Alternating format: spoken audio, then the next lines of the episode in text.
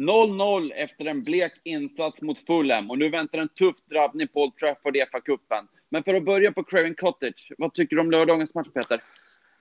Lika kul som det var att prata om den förra matchen mot Villa, lika, lika tråkigt är det väl att prata om den här, nästan. Vi får oavgjort efter en eh, insats som inte är eh, riktigt vad vi har eh, vant oss vid på sistone. Vi får väl vara rätt så nöjda med det, får, får jag säga. Det såg eh, trött och slitet ut eh, efter, efter, efter urladdningen i matchen senast. Eh, ja, det är inte så mycket att säga egentligen, förutom det tycker jag. Nej, det var, det var riktigt blekt helt enkelt. Vad tycker du då Uffe? Det är ju som ni är inne på, eh, man efter att ha sett den här villa, villa matchen där vi, vi spelar ut på ett otroligt sätt så, så är man ju laddad och vill mycket och det var eh, stalemate som man säger. Det hände inte mycket. Fulham hade ju bättre chanser än vad vi hade. Och, och, jag funderade också, vi fick ju in en fråga där som handlar om det där varför vi spelar så bra i en match och så dåligt i en annan match. Vem var det som skickade in den? Eh, Niklas Johansson. Ja, och, och jag funderar på den och jag tror att vi dels så låter vi oss luras lite grann och att vi, den här är en bra säsong, att vi spelar fantastiskt vissa halvlekar och matcher och så helt plötsligt så stiger våra förväntningar helt sanslöst. Om man då säger, eh, tittar på lite andra lag som, som borde ha rätt till större förväntningar än vad vi har. Liverpool som ska ha en av de bästa målvakterna i hela ligan. Han gör ju två eh, misstag som inte hade varit godkänt på eh, pojkar 15. Eh, och, och, och liksom det, så här tror jag att det är när man håller på att bygga upp ett lag. Eh, det, det, det svajar i prestation. Eh, dessutom så spelar vi i stort sett med samma elva hela tiden, vilket också gör att man har olika trötthetsnivå. Sen var ju inte vädret kul igår heller. Då ska vi inte säga att det var sämre för oss än för Fulham. Men, men jag tror att det, det spelar in. Och tittar vi bara tillbaka ett år, om vi, om vi hade mött en nedflyttningskandidat som slåss för sina liv och som dessutom har spelat bättre fotboll de sista månaderna än tidigare på bortaplan.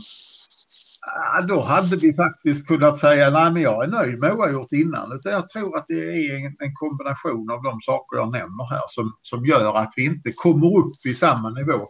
Jag tycker som Peter, det finns inte mycket att säga om den här matchen eller om spelarprestationer. Eh, mer, än att, mer än den där utvisningen som vi kommer till jag tyckte ingen var bra, precis som jag sa för någon, eh, någon match sen.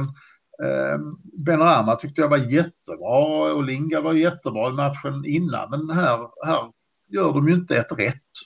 Så det, är, det är försvaret som vi ska vara nöjda med. De håller en nolla och, och vi lyckas kämpa oss till en poäng som vi återigen med risk för att vara tjatig. Vi förr i tiden hade vi förlorat den här matchen. Ja, det är ju den stora eh, det, det, är det som är det, det, är det som är bra. Vi spelar dåligt och tar ändå en poäng. I november spelade vi dåligt och tog tre. Det, det, det var inte så stora. Vi, vi hade kunnat tagit den här också med 1-0 om vi hade haft lite med lite flyt om, om man säger nu kanske lite mer flyt än förra. Nej, mer flyt än förra gången går väl inte att få kanske, men men vi hade behövt lite flyt så att vi kunnat fått med oss. Å andra sidan, det hade de också kunnat fått. Så vi får nog vara rätt så nöjda. Eh, inte nöjda på förhand och inte nöjda med hur spelet såg ut, men nöjda med att vi tog en poäng i en match där spelet såg ut som det gjorde. Ja, men, men köper ni mina förklaringar av att det svajar som det gör? Jag tror att det kan vara en stor del av förklaringen. Så det är svårt att säga ex exakt. Det finns säkert flera anledningar, men, men just det som du är inne på att eh, vi kör i stort sett samma startelva och sen så kan vi tillägga det utifrån ditt resonemang. Och det är väl också det att det är väl alltid tufft att möta ett nedflyttningshotat lag på bortaplan som slåss för sin överlevnad. De säljer sig ju dyrt så att det, och är väldigt taggade och ser en chans till tre poäng. Så det är ju trots allt inte en lätt match, även om det kan se ut så på pappret. Det, det, du är ju helt, du är inne på ett, ett resonemang som jag tror mycket på. Jag menar, vi har, vad har vi spelat nu sen, sen jul? Eh, två dagar, var det 22, så den här, 22 december eller något som den här tuffa perioden började. Då hade vi fyra matcher och sen så var det väl en liten vila där över cup, eh, eller det var lite mer utdraget över cuphelgen och sen har vi ju haft, ja, jag vet inte vad blir det, elfte eller tolfte matchen här nu på en och en halv månad. Ja. Eller något åt det hållet i alla fall. Eh, det är klart att, att med en så tunn trupp som vi har där vi, där vi då dessutom väljer att gå eh, väldigt, väldigt hårt eh, på, på de här spelarna så, så blir man ju trött eh, och, och, sliten. Så, och det tyckte jag man, man såg även om jag såg någon kommentar från Mois efter matchen att han inte trodde på på eh, att, att man var så trött. Men jag tyckte att jag också läste någon kommentar idag där han, där, där han däremot hade, hade sagt just det att, eh, att de verkade vara slitna. Eh, och, och, och, vi är ju i en uppbyggnadsfas, så är det ju. Så jämna resultat eller så bra, så bra resultat och så jämnt som det har gått eh, sista, eller ja, egentligen hela säsongen. Eh, så så jämnt kanske man inte ska räkna med att, att eh, det är i en sån här tid när vi faktiskt håller på att bygga upp någonting. Så att ja, jag tror att du är inne på rätt spår. Ja. Det tror jag med. Men ska vi ta den största snackisen, den som nästan höll mig sömnlös och allmänt nedstämd hela, hela helgen efter det där. Och det är ju Zuzeks utvisning. Nu behöver vi inte oroa oss för överklagan gick ju igenom, men, men situationen, vad säger ni om den? Ja, eh, jag tycker att för den eh, neutrala betraktaren, eh, inklusive de som har lite eh, Claret and Blue-hjärtan, så eh, vet ju alla att vi är farliga på fasta situationer. Zuzek är ett av våra farliga vapen. Han försöker skapa sig lite utrymme genom att lyfta armen över vid sidan om Mitrovic och råkar träffa armbågen i ansiktet på honom utan att överhuvudtaget ha en tanke på att det är det som ska ske. Sen överdriver Mitrovic och ramlar ner som en, en liten flicka. Jag har inget, inget emot små flickor men, men han hade kunnat ta för sig i en mörk gränd. Då kan han faktiskt stå upp för den här lilla eh, grejen han får i ansiktet så, också. Som en klubbad säl. Ja, och, och sen så när huvudpajasen Mike Dean ska springa ut och titta på det här och behöver 23 titt, tittningar på situationen för att bestämma sig för att det här är clear and obvious. Då blir det cirkus av det hela. Och eh, visar ut, visar ut eh, Zuzek vilket jag faktiskt har läst mycket om detta, bara sett en person som har tyckt det var rätt. Alla andra har tyckt det var katastrof oavsett om man håller på West Ham eller vem man håller på. Och till och med Mitrovic och Scott Parker sa ju efteråt att det inte var utvisning. Ehm, så, så var jag ändå rädd att, att utvisningen skulle gå igenom eller att vi inte skulle få igenom överklagan. Men nu fick vi det och då är rättvisa skipad. Men det är pinsamt. Och så ska jag faktiskt säga att jag skrev till er bägge två när jag såg vilken domare det var. Att det här är vi lite oroliga för att det är Mike Dean. Det, det är min sammanfattning. Ja, han är ju en drama queen. En typisk domare som tycker om att ta rampljuset. Har han chansen att, att göra ett matchavgörande beslut så gör han det. Och eh, den typen av domare tycker inte jag om. Men eh, jag förstår inte beslutet. Jag kan inte förstå det. Jag tycker det är, det är jättekonstigt. Jag tycker det visar prov på otroligt dålig spelkänsla av personen som sitter, den här Lee Mason som sitter i, i, uppe i domarrummet och säger att du bör nog gå ut och titta på det här. Eh, han skulle ju bara ha sett på, jag brukar säga, det som inte kan ses efter tio sekunder och två repriser eller två repriser eller tio sekunder, det ska man inte döma för.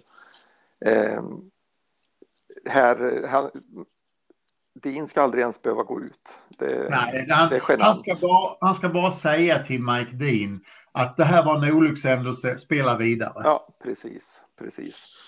Och sen kliver då Mike Dean ut och, och gör det han gör, det har vi ju alla alla sett att han, att han har gjort. Det som, det som gjorde att man var orolig, eller som gjorde kanske att man var extra orolig, var ju skulle de verkligen kunna upphäva ännu ett rött kort för Mike Dean mindre än en vecka efter att de hade tagit bort ett annat. Eh, men det gjorde och, de. Det var ju ja, och, och, och det, det, det, är klart att, att uh, man tänker den tanken. Det gjorde jag också. Samtidigt så måste jag ju ändå förlita mig på att man bedömer varje situation utifrån den situationen och inte vad som har hänt i en annan match några dagar tidigare. Absolut, men det är människor vi pratar om. Eh, ja, men jag tror, och, och, men just i och med att det är människor så tror jag ju faktiskt att, att, att just den här reaktionen från eh, neutrala pandits som, som både Lineker med flera har ju varit eh, har ju skrikit hur fel det är och att de inte förstår någonting.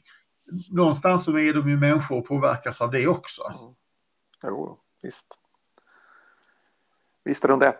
Eh, ja. Men ja, jag vet inte. Det, frågan är ju, kan vi som människor hantera VAR? Ja, det känns ju inte som det. Det, det här tycker jag är liksom bara påvisar ännu en gång hur, hur svårt vi kommer att ha för det. Ja, absolut. Ja, nej, nej, det går inte. Alltså, reglerna är få, men tolkningarna är många. Som domare måste man kunna ha spelkänsla och det har inte en, ett videosystem. Nej, och det, det, ska ju de ha som sitter där, men det har de ju uppenbarligen inte, tyvärr. Jag vet inte, det kanske är något fel, extra fel på just det här eh, paret, för det var väl exakt samma par som satt i den här i förra matcherna. Så att det var inte ja, Mason och, Lee, och Dean då också. Jo, det var det. Precis likadant. Ehm. Men, men vi har ju sett det tidigare också. Och jag menar när vi ska ta 23, 23 tittningar. För, och den, den, den utvisningen då var det väl ännu längre tid som pågick innan det var, innan det var klart tror jag. Det, det jag tyckte var väldigt eh, förlösande som jag pratat med Jesper om innan och, och mässade dig om eh, Peter, det var ju att till och med den neutrala kommentatorn var ju upprörd så att eh, sjöng om det och liksom sa nej lägg nu ner det här, bara spela vidare, det är ingenting. Vad är det för fjanterier? Mm. Ja, jag tyckte det var så befriande att Robert Tennisberg ja. gjorde det. Alltså att han verkligen, det var så skönt. Han sa exakt det jag kände. Det var så skönt. Sen slet jag mitt hår ändå, men, men det var ändå så skönt att höra, att höra kommentatorn. Ja, det var ju tur att det var i minut 93 och 40 av, eh, alltså ja. det var det 92 30 eller något sånt där av 94 då. Eh, så att det inte hade så stor chans att, att, att, att göra något. Eh, alltså det, nu höll de ju på att avgöra där i anfallet efter ändå, men det var ju ändå inte, det var inte så lång tid som det hade på sig att, att bli ett matchavgörande felaktigt eh, beslut. Så det var väl ja, det, var, det var väl det enda positiva. Ja, bättre att det inte var i 15 minuten. Ja, men precis. Ja. Absolut, men sen, sen jag var väl mest nöjd, jag, eller mest nöjd, jag var att, nöjd med att överklagan gick igenom, men mest orolig inför avstängning. Alltså tänk om man hade fått tre matcher och vi hade saknat honom både i FA-cupen nu och kommande ligamatcher. Det hade varit ja, en jäkla det, och Samtidigt då kanske var med, med, med Antonio, även, även om de säger att det inte ska vara så farligt med Antonio så är det ju så är det ju bara, det är inte så lång tid man behöver behöva vila för att man ska missa ett par matcher. Eh, och det är klart att det hade ju varit supertufft om båda de två hade varit borta.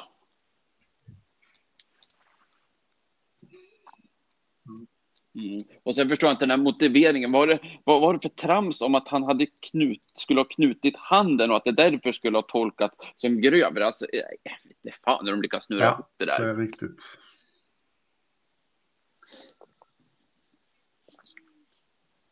Ja, men nu gick det ju igenom i alla fall så vi kan... Vi kan det, var ju snabbt, det var ju snabbt äh, agerat i alla fall i, av de som... Äh, jag menar, vi, vi spelar ändå imorgon.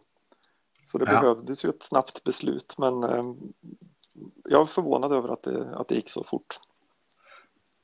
Det var ju klart redan vid lunch. Eller, ja. ja, ja absolut. Ja, det, gick, det gick snabbt. Annars är det inte ovanligt när det tar längre tid eller de har möte senare att man får spela i den kommande matchen och sen kommer avstängningen in. Mm.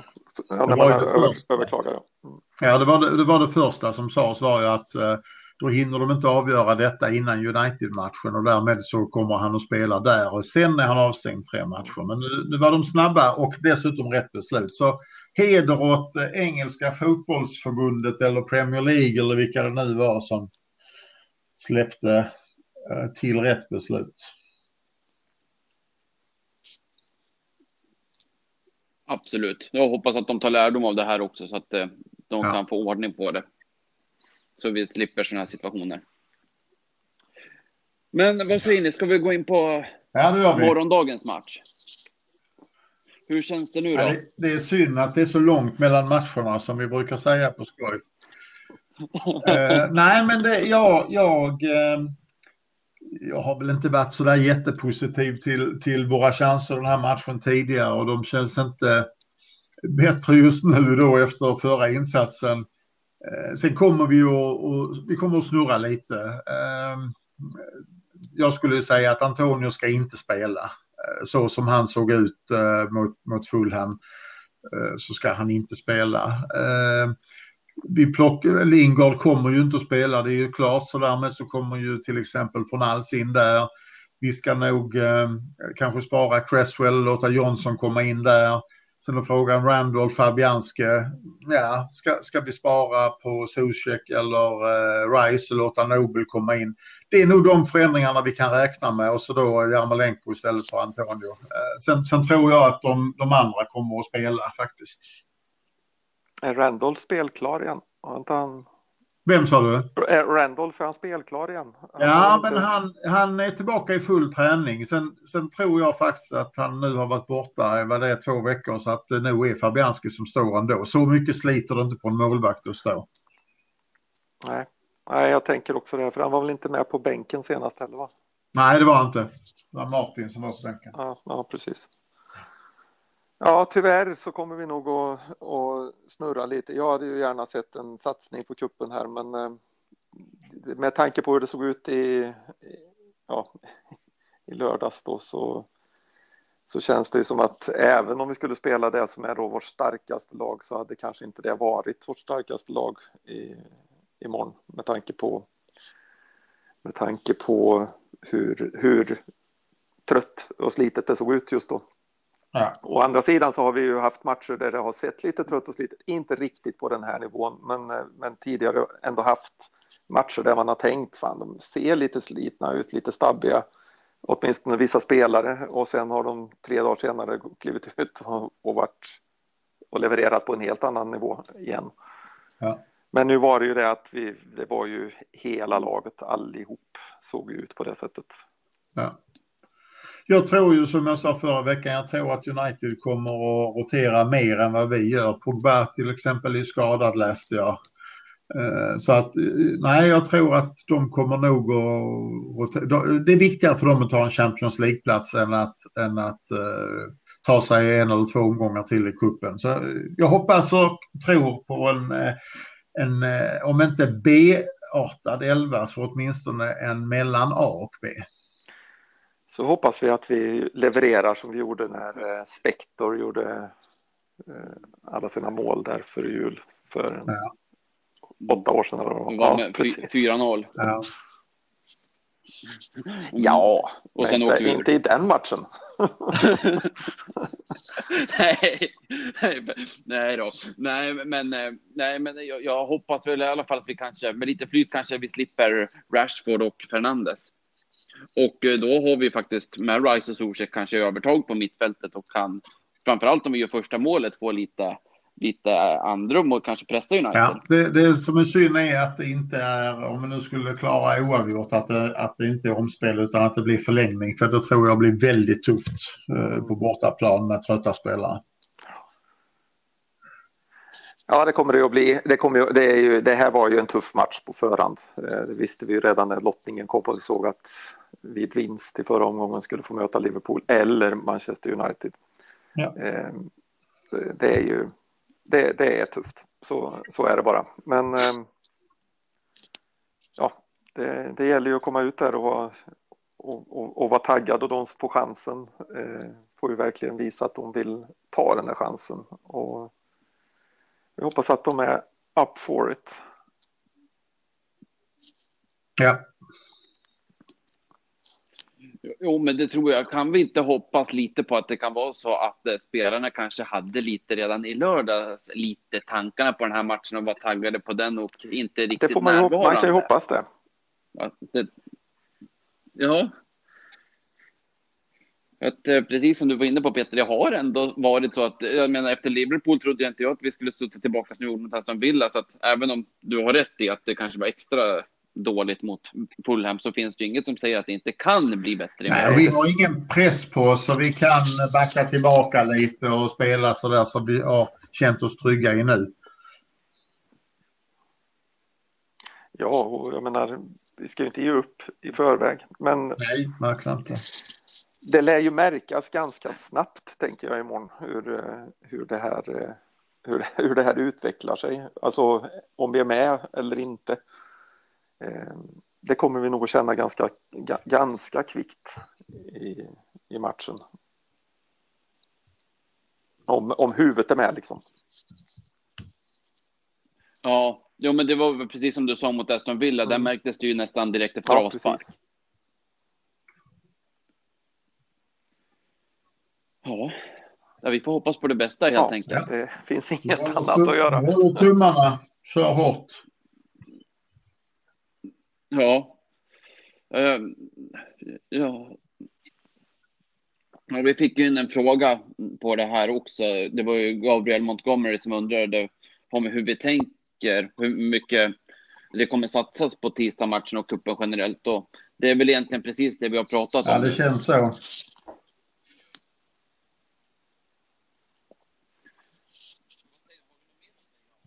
Vad säger ni? Har vi något mer att säga om, om morgonen? Inte på förhand så här. Jag tycker vi har eh, satt upp laget med lite möjligheter. Vi har pratat om svårigheterna. De är ju starka även om de har en, en, en mellanting mellan A och B. Eh, de är ju klara favoriter så att allting annat än en förlust efter 90 tycker jag är en framgång. Sen, sen gäller det ju som vanligt att se hur spelet ser ut också. Men eh, som vi, som vi med varit inne på, vi håller tummarna och vi laddar upp med, med en öl eller ett glas vin och sen sitter vi förhoppningsvis njuter och- åt att Ben Rama eh, dribblar av ett par spelare. Ja, han hade ju jättegärna fått, eh, fått eh, ta eh, några kliv i poängprotokollet här. Eh, det hade ju varit en alldeles passande match att, eh, att göra det. Sätta den där baljan och slå den där avgörande passningen. För det är ju lite det vi väntar på. Han, han, börjar ju, han har ju börjat akklimatisera sig väldigt, väldigt bra men, men eh, just det skulle vi ju vilja ha. Det hade jag gärna tagit till det här i, Ja. imorgon. Ja. För det hade nog gett honom väldigt, väldigt mycket också. Absolut. Och det, det, kan, nog- det, det får vi hoppas på helt enkelt. Det, det, är- det, det är bra läge för Ja, honom. men han är ju, en, på, han är ju på, en av de som har, ett, eh, som, som har en X-faktor. Eh, och som inte riktigt har, eh, har, har fått ut just den än. Så det, det kommer.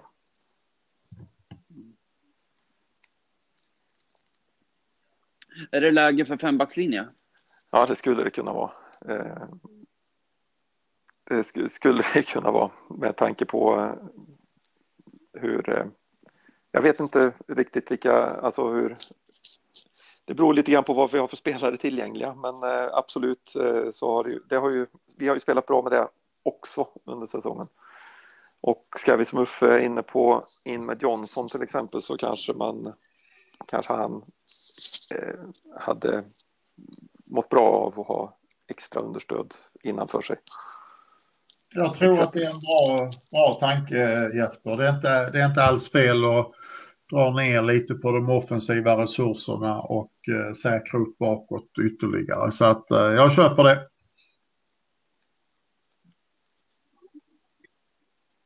Ja, jag tycker Ja. också det känns som bra läge för det.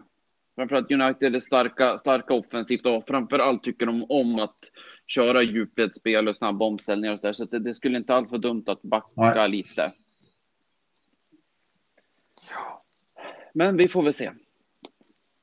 Ja, men har vi något mer att säga om matchen Vi eller ska vi gå vidare?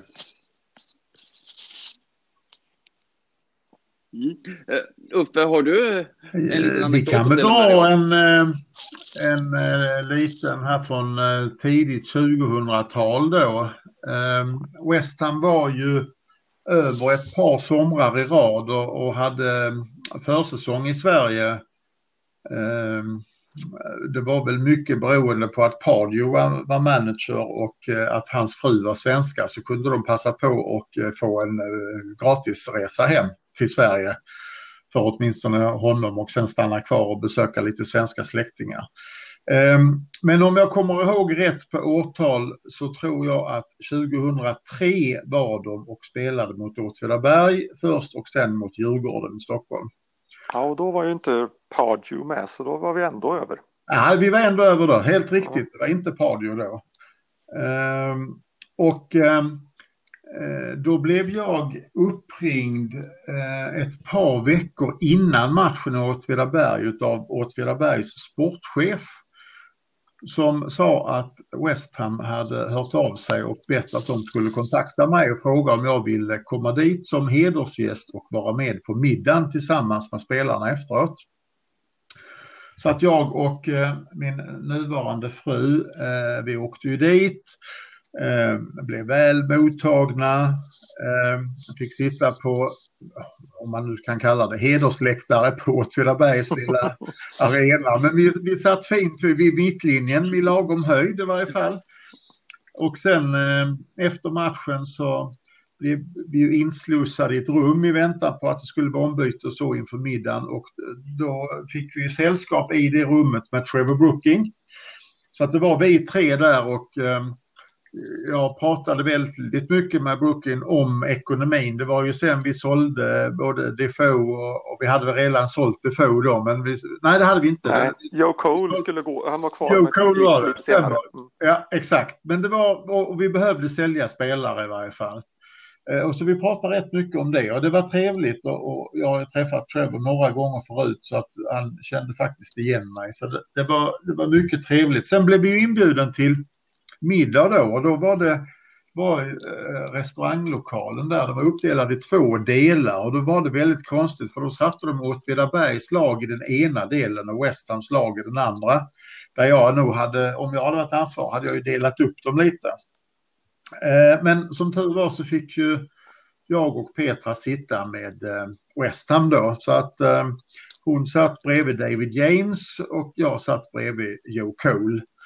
Eh, och sen var det ju eh, idel ädla namn där och jag kommer ihåg att jag pratade rätt mycket med Freddy Kanute för han är ju muslim så han skulle ha specialmat hela tiden. Tyvärr var ju inte de andra spelarna jätteintresserade av att prata med mig för att eh, min fru är ju lite yngre än vad jag är och, och såg väldigt bra ut på den tiden. Så de var mer intresserade av att titta på henne och prata med henne. Eh, för de var väl ungefär samma ålder som, som hon var då, flera av dem. Och David James då som satt bredvid Petra, han var mest intresserad av sin nya mobiltelefon. Så tyckte efteråt att det var en jävla divor de här spelarna. Och det var, ju- var ju kul att få inblick för någon som inte visste vilka det var eller brydde sig om att det var West Ham. Sen, sen var detta eh, första matchen som Joe Cole var kapten för laget så att han skulle då enligt tradition hålla ett litet tal. Så han reste sig upp och sa att eh, jag är första gången jag är kapten och ska hålla tal och jag hoppas ni hade en trevlig match. Tack. Och så satte han sig. Och då blev han ju utbuad och fick ställa sig upp igen och prata betydligt längre. Så det var, och det var mycket eh, glåp och glamour då eh, till honom. Så han tyckte det var oerhört pinsamt. Han var väl inte mer än 22-23 någonting liknande då. Så att, så att det, det var skoj. Sen så kom Åtvidabergs ordförande fram och knackade mig på axeln för att eh, West Ham hade ju vunnit med typ 6-2 eller någonting sånt där. Och så sa han, du jag har text-tv här i luren. De har ingen, eller jag har ingen aning på vilka som var målskyttar, men det har du säkert koll på. Kan du, kan du räkna upp målskyttarna för dem? Så jag fick ju luren där och då var det ju lite extra kul att efter några minuter gå in på text-tv och se att där stod att West Ham hade slagit Åtvidaberg och vilka målskyttarna var och vetat att man hade hjälpt till där. Ja, sen, sen eh, ville ju laget dra vidare så att det var inte så många som ville prata med mig även om jag lyckades stjäla åt mig några minuter här och där. Sen ringde man faktiskt från Djurgården också och, och frågade om jag ville komma upp på middag där. Western hade frågat, bett honom också att ringa men, men jag hade svårt att få ihop det så att jag, eh, jag fick faktiskt hoppa det och köra till Stockholm. Men det var väldigt kul att vara Åtvidaberg, det ska jag säga. Eh, apropå, ja det, det, det, var roligt. Jag var också där, eh, fast på andra sidan läktaren, eller på andra sidan planen. Eh, där det var kanske lite fler West Ham-supportrar. Eh, men Glenn Johnson var väl också såld precis efter det, strax ja, efter. precis. Eh, det var ju de två, de två räddade väl West, Hams, West Ham från, från eh, konkurs där. Ja, ja, absolut. Nej, och det sa ju Trevor Brooking, vi behöver sälja fler spelare sa han och då nämnde han ju faktiskt då både Defoe och Carrick. Mm. Eh, som och Defoe gick ju sen på vid julfönstret efter att ha sett till att bli utvisad tre gånger på fyra matcher eller vad det var. Ja, och, precis. Och Carrick var väl kvar till sommaren va? Ja, jag tror det. Jag, jag, jag är till och med ganska säker på att Johnson var redan såld när de var Så i ja. ja, för han var den första som eh, mm, ja. blev såld och den första som Abramovic köpte. Och det var ju också så, de var ju också bara eh, minuter ifrån, eller minuter, men timmar, dagar ifrån eh, konkurs där. Så det var, det var en tid när det var jobbigt för engelska fotbollsklubbar ja, i mellanskiktet. Absolut, absolut. Eh, men det var, det var en trevlig tillställning där. Eh, I, eh, även för oss som inte fick gå på de här celebra till den ex, de här extra grejerna som du, som du fick. Ja. Så var det ändå roligt att vara på, på matchen och, och kolla på dem. När jag tittar tillbaka så var det naturligtvis väldigt trevligt att sitta, sitta där på, på, på middag tillsammans med alla spelarna och sitta som en i laget. Det var två, två långbord eh, med, med bara West Ham-spelare eh, och celebriteter och få sitta med där eh, med dem och kunna prata med dem som vem som helst var, var otroligt trevligt. Ja, det låter som en dröm, verkligen. Helt fantastiskt ju. Ja, sen var West Ham här, här två somrar till efter det, direkt efter det. Då var de ena, ena sommaren, eh, ja, året efter så var de i Kungsbacka, eller hade lägret i Kungsbacka och året efter det så hade de eh, lägret i Trollhättan. Eh, och det var ju Kungsbacka-lägret som, eh, som egentligen eh, West Ham Fans Sverige startade, startade upp på riktigt. Under den säsongen, då hade vi, då hade vi startat upp eh, under den säsongen i The Championship.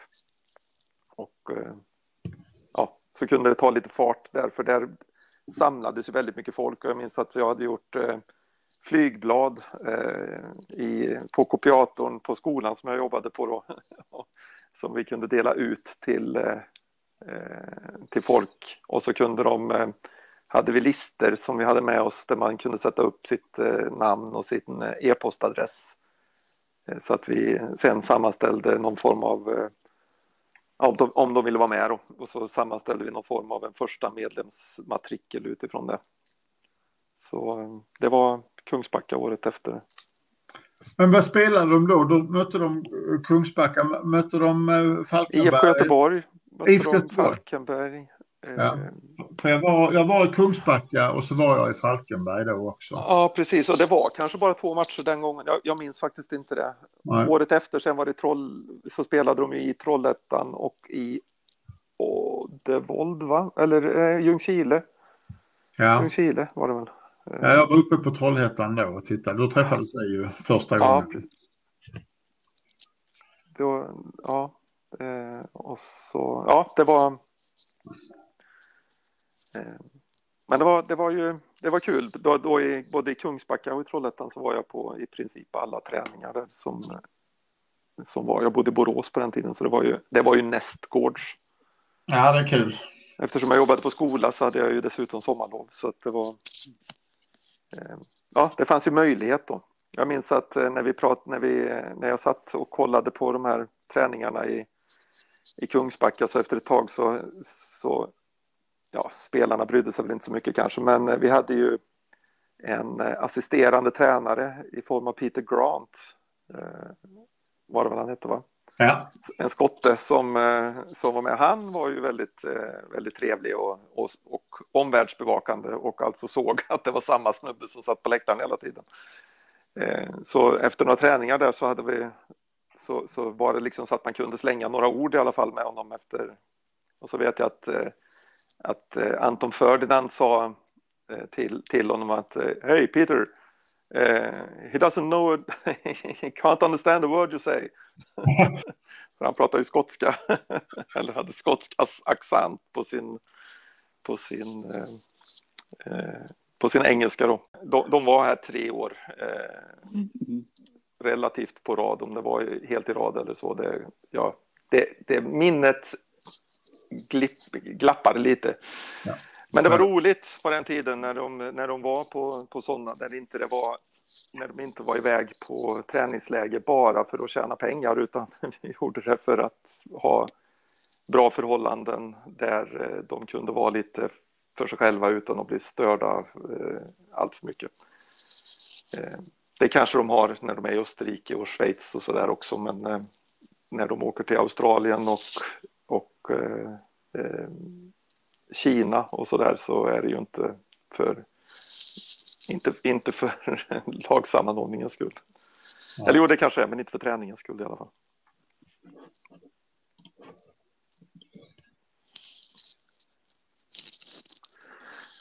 Nej, ja, det just var nu känns det ju rätt avlägset att de skulle komma tillbaka till Sverige. Bra men det vore jäkligt kul. Sveriges utveckling.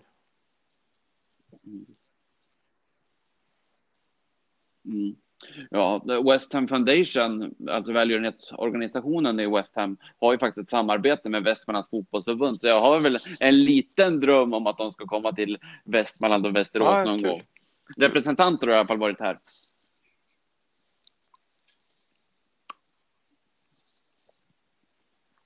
Ja, så att det finns i alla fall lite kopplingar.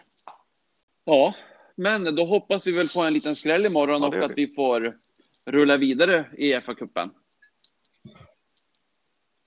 Då tackar vi så mycket för det här avsnittet. Så ses vi snart igen och så säger Tack, vi Come on your eyes and we forever be blowing bubbles.